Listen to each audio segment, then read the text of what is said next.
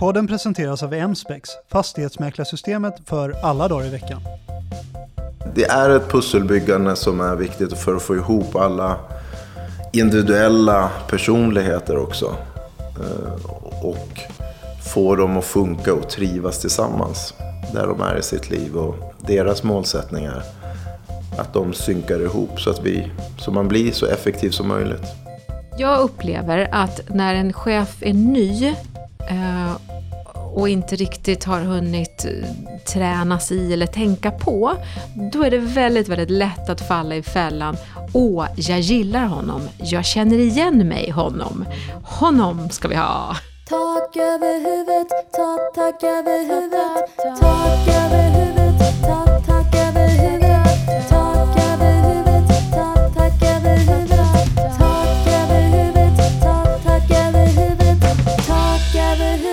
Du lyssnar på Tak över huvudet, en podd om bostäder, bostadsaffärer och livet som fastighetsmäklare. I det här avsnittet så ska vi fördjupa oss i eh, en rätt knepig fråga, nämligen hur man bygger ett framgångsrikt team utan att kompromissa med sådant som individuell prestation och individuell resultatinriktning. En fråga som eh, vi tror att ganska många mäklarföretagare ställer sig dagligen. Precis, och för att hitta inspiration har jag pratat med en framgångsrik idrottstränare inom fotbollen. För att hitta tips för hur man bygger sitt dreamteam. Och jag har pratat med en av branschens mer profilerade HR-specialister. Och för övrigt så är det så att eh, jag som pratar nu heter Joakim Lusanski. Jag är analys och kommunikationschef på Mäklarsamfundet. Och den andra rösten är Jenny Persson, chefredaktör för branschtidningen Mäklarvärlden. Nu tycker jag vi kastar oss in i dagens innehåll och ser om vi kan lära oss någonting av det. Låt oss! Nu är vi hemma hos Kleber Sarenpää som är tränare för eh, Brage som ligger i Bålänge. Bålänge. Och vi ska prata om hur man bygger Dream Teams. För det är Kleber väldigt bra på. Berätta lite kort hur du kom in på fotboll och eh, som spelare och nu då som tränare. Lite din bakgrund lite kort. Min bakgrund? En, eh, en ung knatte från eh, Uppsala som eh, testade många idrotter och fastnade väl till slut för fotbollen. Provade många individuella idrotter, andra lagidrotter också. Men någonstans där man känner kanske att man är, man är duktig. Det tycker man är kul och det, det fortsätter man med. Så fastnade och återkom till fotbollen efter att ha testat många olika idrotter. Och sen på den vägen har det varit hela vägen igen. Och du har ju varit då proffsspelare både i Sverige och Danmark och spelat landskamper. Vilka lag är det du har spelat i och uh, uh, Uppvuxen i Uppsala, man kan säga elitkarriären började i Sirius. Sen uh, tog jag en flytt till Djurgårdens IF, har bott i Norrköping. Flyttade till Danmark efter Danmark så blev det en kort session tillbaka till Sirius. Eh, för att sen hamna i Hammarby. Och sen från Hammarby åter tillbaka till Danmark i Vejle en kort. Och sen tillbaka till Hammarby innan karriären avslutades. Och då började du som tränare. Ehm, hur kom det sig att du ville fortsätta? För nu har du ändå själv varit aktiv och sen går du från det till att säger, huvudansvaret att träna en grupp? Hur kommer det sig? Eh, det växte fram under resans gång, speciellt när man blir lite äldre och börjar reflektera och se saker ur ett annat perspektiv. Så, eh, så kände jag att det var fotboll jag ville jobba med och jobba med människor. Och den gemenskapen och den miljön som man var i. Ehm, jag fick tidigt möjligheten innan jag slutade också att börja om och få ta ett ungdomslag, 15-åringar. Så jag är väldigt glad att jag tog den vägen istället för att hoppa på ett senioruppdrag i, i en lägre division och börja sin tränarkarriär. För det var liksom tillbaka till grunden någonstans. Börja med ungdomar och glädjen och sammanhållning och föräldrars engagemang.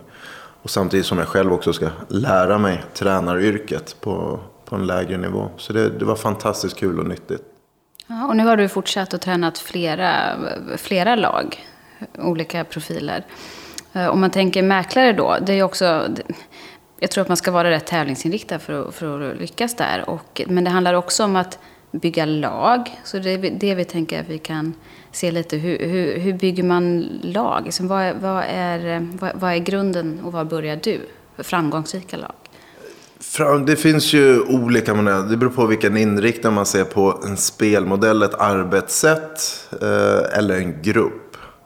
Eh, gruppen är ju extremt viktig för att laget och arbetssättet sen ska funka. Om man inte har extremt hög kompetens och kompetensen då slår ut den grunden. Men det funkar bara över kort sikt. På lång sikt så måste du ha en gemenskap i laget. Eh, en gemenskap eh, i värdegrunden, hur man beter sig och små, små regler som man kanske tycker är basala. Men det är, den måste sitta i ryggmärgen hos alla individer i gruppen för att kunna ta nästa steg och utvecklas. För allting kommer inte att funka perfekt från början utan det är ett gemensamt arbete. Så tänker jag, man har också olika roller i ett lag. Och det är väl lite samma sak i, i, en, i en mäklarkontor. Men måste man ha, alltså har man någon som är lite stjärna och sen har man andra runt omkring? Eller hur, hur tänker du där? Är det alla som gör jobbet eller hur? Alla ska göra jobbet. Man är ingen uttalad stjärna utan det utvecklas eh, till spelare, individer som är mer eller mindre viktiga eh, i en grupp. Om man säger så. Eh, alla är viktiga, alla är en del av det. Men du måste ju ha en ledare i gruppen eh, på plan som kan ta styrning med den kompetens som ska utföras ute på plan fotbollsmässigt. Sen måste du även ha en ledarskap eller en personlighet som, är, som binder ihop omklädningsrummet, kanske utanför. Eh, med sociala aktiviteter, glädje eh, med mera. Sen måste du ha arbetsmyrorna. Sen måste du vara duktig på att identifiera de individer som inte anammar eller passar in i lagbygget. Eh, och få med dem på tåget eller så får man gå skilda vägar. För det, mm, det bromsar upp utvecklingen. Då tänker jag igen att där har vi synergier till, till, till mäklarbranschen. Och en sak till som jag funderar på. För en mäklare kan ju, han, han börjar väl kanske eller hon som, som en mäklare. Och så kan man klättra upp och bli kontorschef eller franchisetagare. Så man liksom kanske börjar som en i laget och så ska man gå upp och leda. Eh, nu vet jag att du har gjort den resan men du kanske inte har varit kvar i det laget som du sen blir ledare för. Men om man tänker, om man tänker där då, hur hittar man den resan? För den har ju du också gått, gjort. Från, led, från spelare till till ledare om du förstår vad jag menar.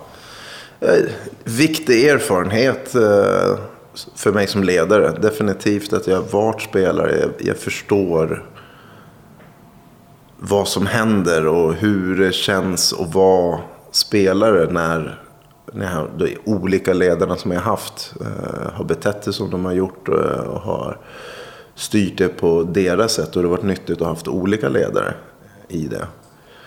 Eh, och det är också någonting, kanske inte så reflekterande när man är 18 år, när man blir äldre så ser man det ur ett annat perspektiv och, och tar till sig små idéer och hur saker och ting fungerar. Eh, nu är det lyckligtvis att jag har bytt klubb och det tror jag nog är bra som ledare också. För då kan man ha tid att reflektera och kanske göra om på nytt på ett lättare sätt än om man är på samma arbetsplats hela tiden. Eh, för är man på samma arbetsplats hela tiden, då ska man vara duktig på att ta ett kliv tillbaka och utbilda sig och se en, en ny nyans i det. Så man inte trampar i samma spår hela tiden och, och blir bekväm.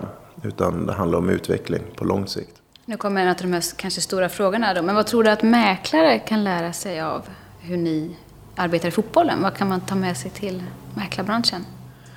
Första jag kommer att tänka på det är dedikationen till, till uppdraget. Man har eh, specifikt att, att man gör allt i sin kraft för, för det säljobjektet eller eh, vad det nu är för uppdrag. Att man verkligen gör allt och inte ångrar någonting. För det, det är där och då det gäller.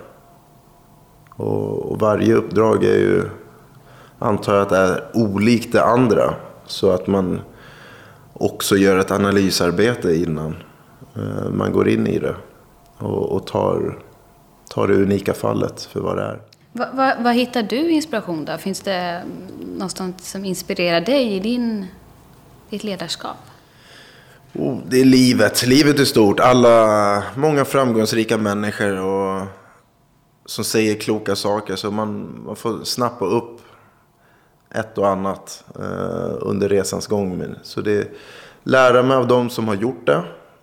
Eh, och har gjort det länge med stor erfarenhet. Eh, ta till sig den informationen. Men samtidigt också lyssna på de um, nya unga ledarna som kommer och nya unga spelarna som kommer. För de har ju ett annat perspektiv. Så det, det gäller att uppdatera sig den vägen också. För jag tror det är viktigt att man mår bra som människa. Det, det är en av grundpelarna för mig. För att kunna prestera i livet oavsett vad man håller på med. Så man måste hitta en balans i familjeliv, arbetsliv.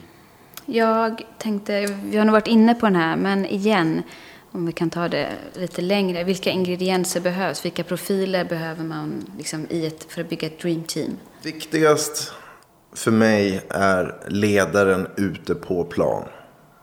För det är matchen allting kretsar kring. Och då behöver du ha en ledare som har mandat, har kunskapen och har självkänslan för att liksom ta stora beslut som kan vara svårt som ledare från sidan att påverka i en match direkt. Så du måste ha någon som är med och tar styrning eh, ute på plan under matchen.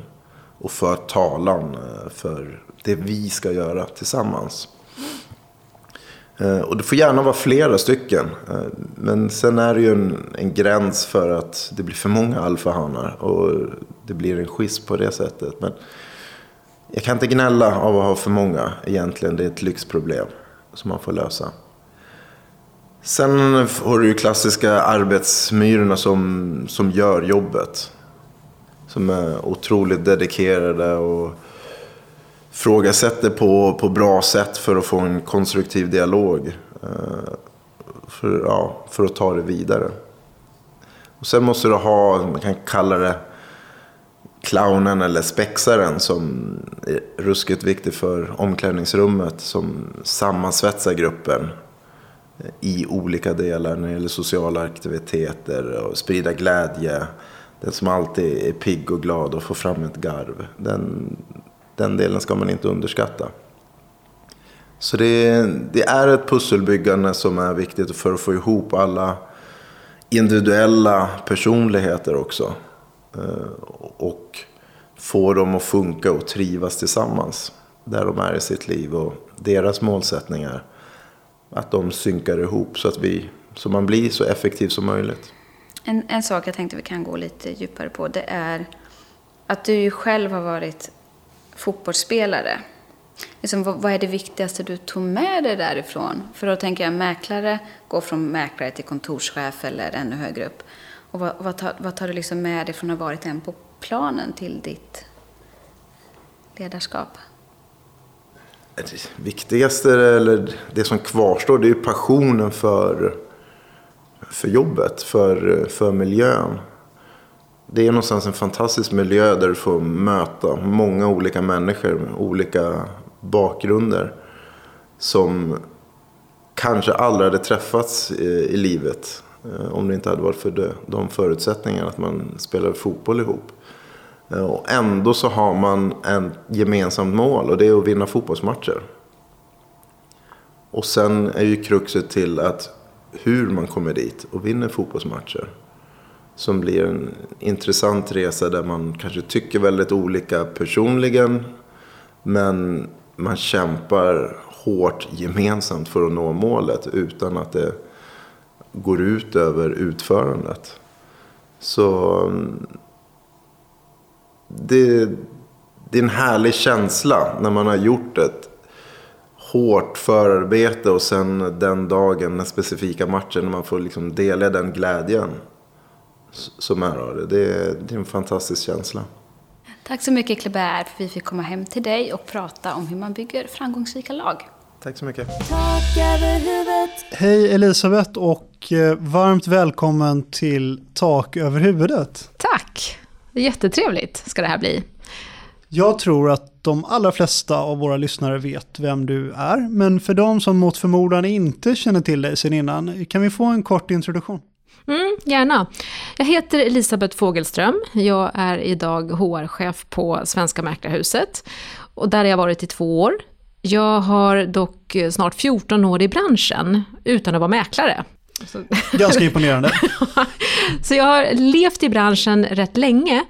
Eh, jag har dock dessutom haft eh, lite avbrott under tiden där jag har varit tjänstledig för eh, att jag var programledare parallellt i Lyxfällan, som några av er har, har sett och hört. Och sen har jag 2014 fått den fantastiskt fina utmärkelsen att bli årets mäklarprofil. Så ja, jag har hängt i branschen ett tag.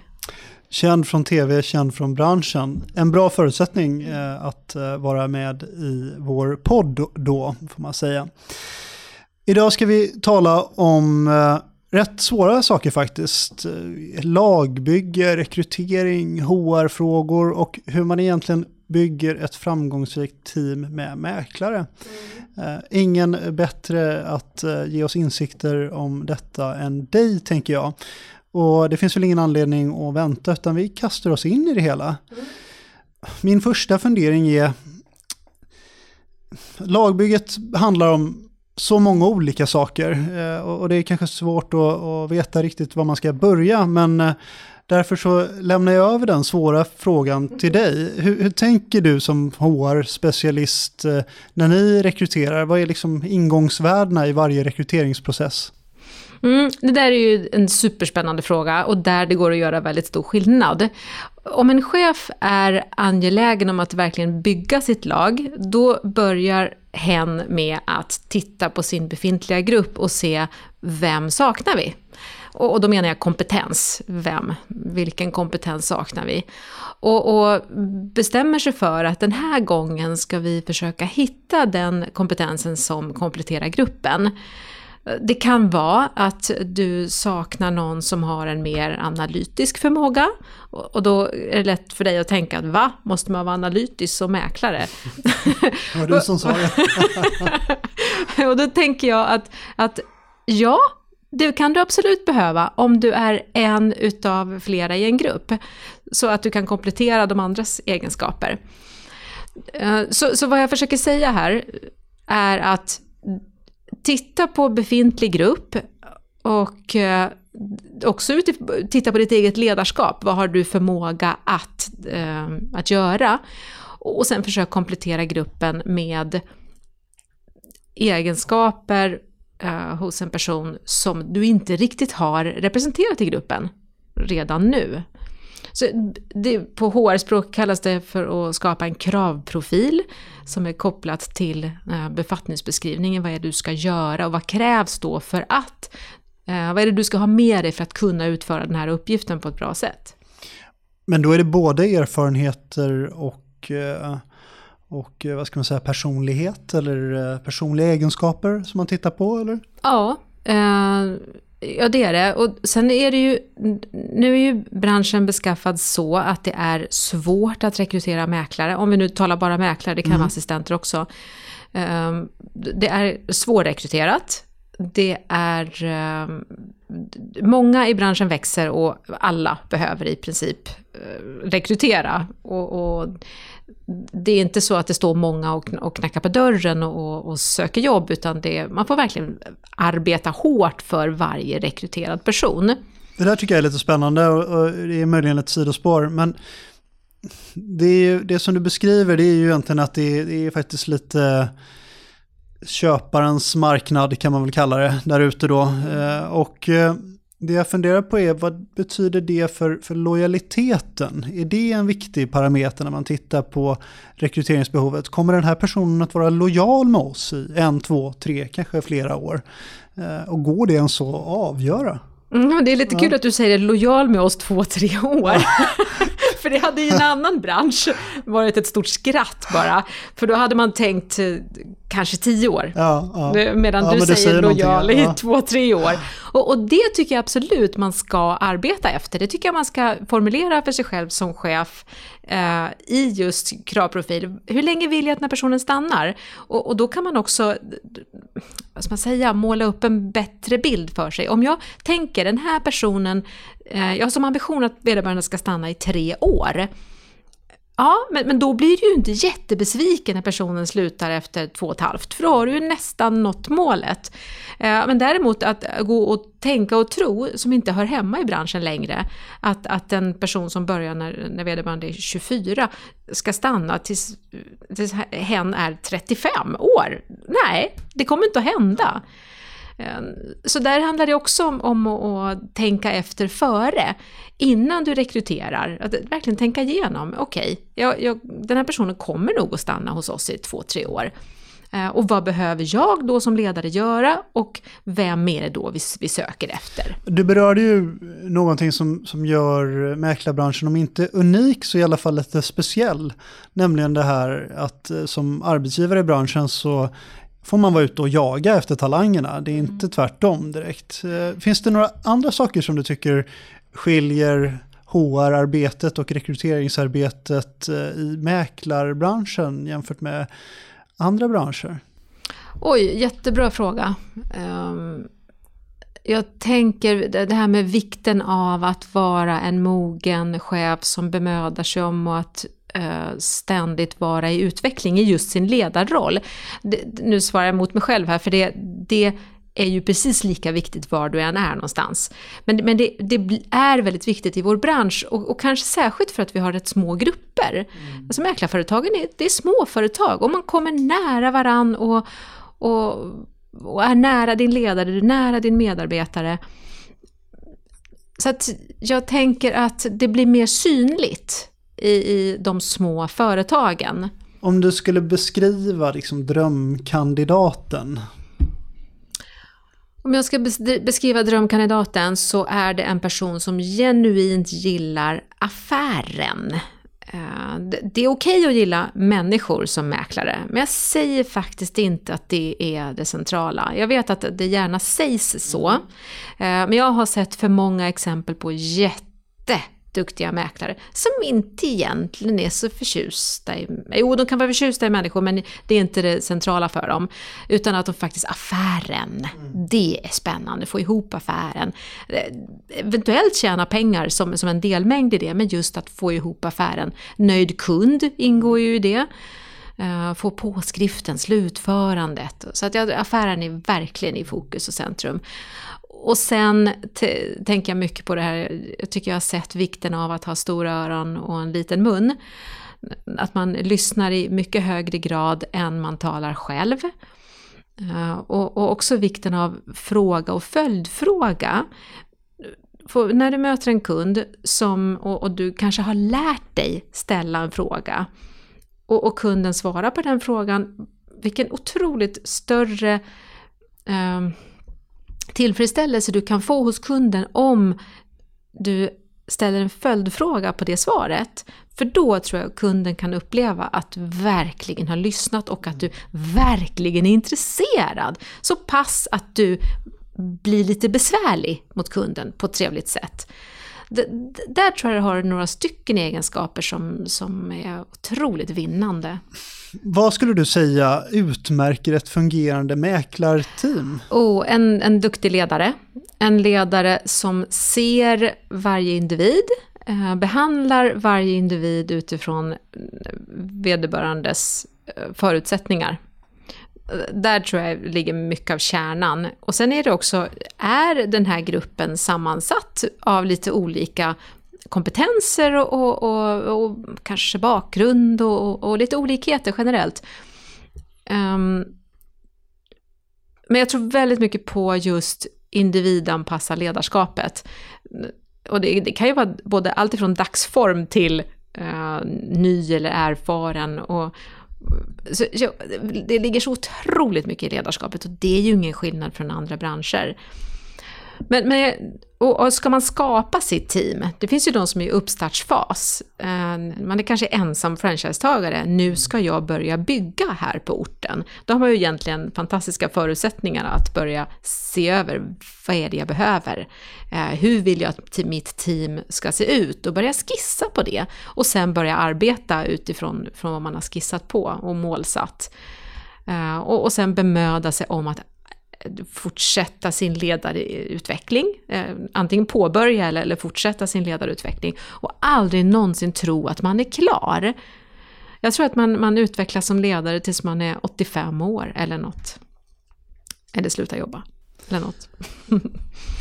Vi har i det här avsnittet också talat med en före detta fotbollsspelare på elitnivå eh, som numera tränar istället för att spela själv.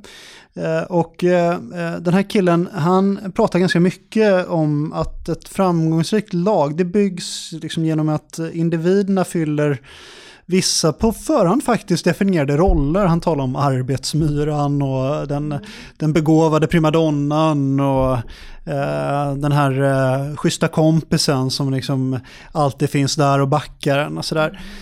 Är det ett tänk som du kan känna igen dig i? Mm, definitivt. Jag tror att det var det jag försökte snudda vid förut, att, um, att du har de här olikheterna. sen om man väljer att kalla någon för primadonna internt eller inte. det tror jag man ska undvika. tror jag ja, det, håller oss till. Det tror jag var mycket ja. bättre. Uh, men just de här olikheterna, uh, att du, du får den optimala gruppen. Uh, du får åtminstone en väl fungerande grupp om du faktiskt har olikheter. Och, och det, Olikheter kan man ju fördjupa sig i. Får jag dra ett exempel? Sure. En tidigare kollega till mig Eh, om man talar om den här diskprofilen så hade vi mm, helt olika diskprofiler och då talar vi så här beteendeanalys och diskprofil för er som inte riktigt känner till begreppet. Eh, att någon är kanske väldigt analytisk och, jag är väldigt eh, utåtriktad och nätverkande. Och, det finns olikheter i det. Och, och den, den kollegan som jag på det jobbet hade absolut största utbyte av och respekt för. Eh, och ömsesidigt visade det sig också. Det var vi två, vi som var de mest olika varandra. Eh, och jag ska inte säga att det var konfliktfritt, för det är det ju sällan i, i när man är sådär, man har olika syn på och olika eh, egenskaper inom så. Men, men wow, vilken kollega, vad jag lärde mig och, och ömsesidigt tydligen. Så där tror jag man ska vara noga med att ha just de här olikheterna i gruppen. För att det berikar, man kan ge varann, man kan lära varann, man lyfter. Mm. Men det där tycker jag låter ganska befriande på något sätt för att eh, jag tror att ganska många ledare som försöker sätta ihop ett lag kanske snarare väljer den bekväma vägen. Att eh, ja, men jag ser till att skapa ett lag som har så mycket konsensus som möjligt, där det inte finns konflikter eller risk för konflikter, utan alla ska vara bästisar och så ska man vara ungefär lika och så kör vi på utifrån det. Så där.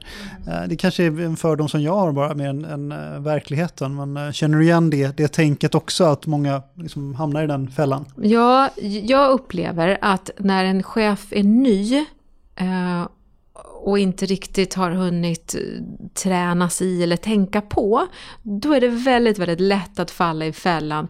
Åh, jag gillar honom, jag känner igen mig honom, honom ska vi ha. Den är jättefarlig, för då tenderar du att rekrytera din egen avbild. Eh, och då blir det några stycken på kontoret som är väldigt lika varandra. Och, och det, det lär inte vara den bästa vägen till till framgång. Det låter på dig som att en rätt viktig del av att vara en god ledare i mäklarsammanhang är att kunna förstå eh, och identifiera drivkrafter hos sina medarbetare. Mm, definitivt. Och lägga tid och engagemang på det. För det är ju inte, de du rekryterar är ju, de vill bli sedda, de vill bli lyssnade på, de vill få frågor ställda till sig, precis som kunden egentligen, det är ingen större skillnad. Eh, och, och, blir de det och, och upplever sig förstådda och, och ledda, och då, då har du goda förutsättningar för att lyckas med ditt team. och ditt företag. Men tror du att det är annorlunda då, att leda fastighetsmäklare än eh, att vara ledare i, i andra branscher? Jag tror inte att det är så olikt att leda andra säljare med viss del provisionslön eller full mm. provisionslön. Där kan det nog finnas ganska mycket likheter. Eh, det här med kundmötet, förberedelsen, kundmötet, genomförandet och knyta ihop säcken. Det finns andra branscher som är lika. Men jämför du med någon som sitter i produktionen till exempel. Eh, det kan vara komplex produktion eller enkel produktion. Där är det klart att genomförandet av ledarskapet kan skilja sig. Eh, men en, en ledare är ju alltid en ledare. En ledare behöver göra en massa saker. Gott föredöme, visa på exempel, lyssna. Så att jag tänker ledarskap är ledarskap. Grunden är densamma även om, om uh, miljön eller ja. sammanhanget är annorlunda på något sätt, ja. tolkar jag det som. Och du har människor med, med behov och, och så.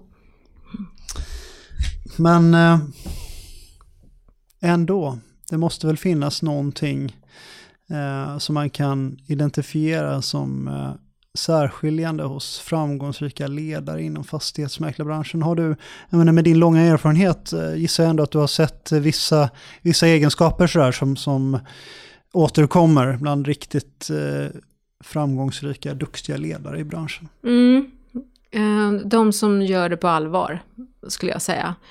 Eh, det, det går ju att eh, flyta med och, och vara kompis med sina anställda och, och eh, anpassa sig efter de anställdas krav eller önskemål. Eh, och det går, går att, eh, sätta, om vi tar den andra sidan då, att sätta mål tillsammans, gärna tillsammans med gruppen. Eh, staka ut vägen dit, det vill sätta upp delmål och, och belöningsmodeller tillsammans med gruppen. Det går att ha uppföljningar, det går att delegera och följa upp. Det, det går att göra sån skillnad som ledare. Och jag ska säga att det finns ju naturligtvis alla i branschen. Och de som jag upplever är de riktiga vinnarna eh, som ledare.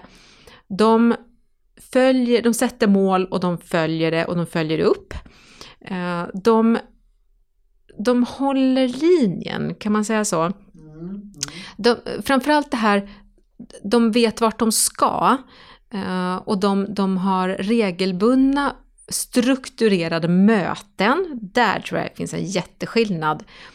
Ehm, de håller lite ordning och reda, så som att, att eh, agenda. Vad sägs om det? Kanske till och med protokoll. Jag menar inte att vi ska bli byråkratiska eller, eller strukturfascister, det är inte det jag säger. Men att ha lite ordning och reda så att personalen upplever att vi vet vart vi ska. Eh, vi har, jag vet när jag kommer att ha eh, möte, försäljningsmöte eller gruppmöte eller individuellt, vad det nu är. Jag vet när det sker, jag vet hur jag ska förbereda mig, min chef kommer alltid förberedd till. Och det här är ju egentligen inte superegenskaper eller kunskaper, utan det, hyfsat basic ändå, men jag tror att hålla sig till det man har bestämt. Att eh, på det här företaget gör vi så här. Eh, kom jättegärna med förslag, men, men än så länge så gör vi så här. För vårt mål är, eh, vi vill uppnå det genom att veta vart man ska och stå för det. En sak som lite kopplar till det där som jag var inne på tidigare, att det kanske finns en del paralleller mellan eh, att bygga team i eh, arbetslivet, det behöver inte bara vara fastighetsmäklarbranschen, eh, och hur man bygger team och lag i sportens värld. Mm. Jag tänker att alla vill ju ha Zlatan i sitt lag, eller hur? Men att ha Zlatan i sitt lag kan ju också vara lite tufft sådär för Zlatan. Han eh, vill ju ha mycket ljus på honom själv och vill ha stort spelrum. Eh, och eh, kanske ibland är det så kanske också att det, det liksom är lite tufft med, med de andra lagkamraterna då, när allt ljus ska falla på Zlatan i alla lägen. Mm. Så jag funderar på hur gör man då om vi försöker översätta Zlatan till, till mäklarkontexten för att Zlatan ska stanna och trivas och känna att eh, Zlatan utvecklas. Eh, men utan att det sker på bekostnad av, av eh, de andra lagkamraterna. Min erfarenhet säger mig att det är sällan nyttigt med en Zlatan. Det kanske är det i fotbollens värld, men den kan jag ingenting om. Jag har sett för många gånger när den så kallade Zlatan, man eller kvinna, har fått allt, eh, all uppmärksamhet utav chefen, cheferna. Mm. Och då blir de andra i gruppen lidande. Jag har sett hur den så kallade Zlatan eller primadonnan um, tar sig friheter som börjar göra att värderingarna i företaget kommer i gungning. Och allt ljus, som du själv uttryckte det, allt ljus pekas mot denna Zlatan för att Zlatan drar in 5, 6, 7 miljoner om året och blir en viktig inkomstkälla. Snacka om att företaget blir sårbart med en 5 miljoners eller 6 miljoners mäklare och de andra kanske ligger på 1,82. Mm. Det, det, blir för sårbart. Jag rekommenderar inte att, nu hur det nu går att påverka, mm. att ha en Zlatan ens. Eh, jag tror att det blir ojämnt i grupp jag tror att det, det, kan skapa onödiga konflikter. Jag skulle snarare rekommendera, nu i så här, den optimala världen då, ja. den finns ju inte, men, men att ha eh, något fler mäklare då som snarare säljer för två miljoner vardera och man har en lite mer, eh, jag vill inte vara homogen, eh, men balanserad mm. Grupp där du kan, där du har möjlighet att ge samma uppmärksamhet, samma tid och mängd av uppmärksamhet till vardera medarbetare. Men sen kan det också vara så att du råkar ha en, en Zlatan redan i gruppen och måste hantera det. Eh, då blir det plötsligt en annan fråga. Men eh, jag har sett så många gånger när, när Zlatan säger upp sig med buller och bång Eh, för att Zlatan anser sig vara så viktig, så det blir buller och bång då. Ja. Och så blir det ett tag kris och panik i företaget. Hjälp, vi har förlorat Zlatan! Mm. Uh, och, men vad som händer sen är det intressanta. Det är att de personer som, övriga personer som jobbade i företaget, de börjar blomstra. Mm.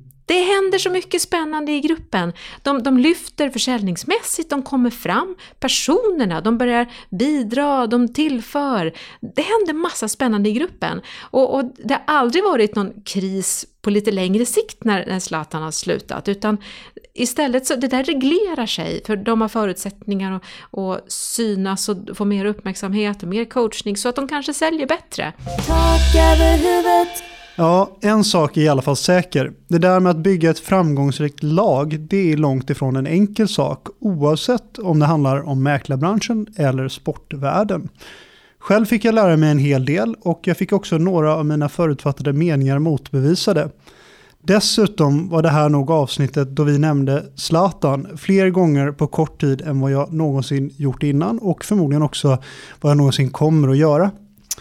Om jag ska försöka summera vad vi kan ta med oss från det här avsnittet så tror jag att det viktigaste är ledarskapets roll i lagbygget och att det aldrig kan överskattas.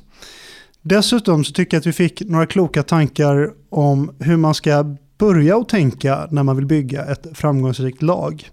Inte minst att man först ska titta på hur laget ser ut idag och vad som saknas. Är det några av de där rollerna som vi pratade om som man kanske behöver komplettera sitt lag med? Vi kan också ta med oss lite insikter om vad som utmärker ett bra mäklarteam. Och där tycker jag att Elisabeth sa väldigt många kloka saker. Inte minst att det gäller att börja i sitt eget ledarskap. Elisabeths ord fångade faktiskt bättre än mina så att jag väljer att avsluta med hennes. Det gäller framförallt att ha stora öron och liten mun. Tack för att ni lyssnade. Tak över huvudet är snart tillbaka igen med ett nytt och spännande avsnitt. Podden produceras av Mäklarsamfundet och tidningen Mäklarvärlden. Producent är Caroline Berg. Podden klipps av produktionsbolaget Digin Larry och jag, jag heter Joakim Lusensky.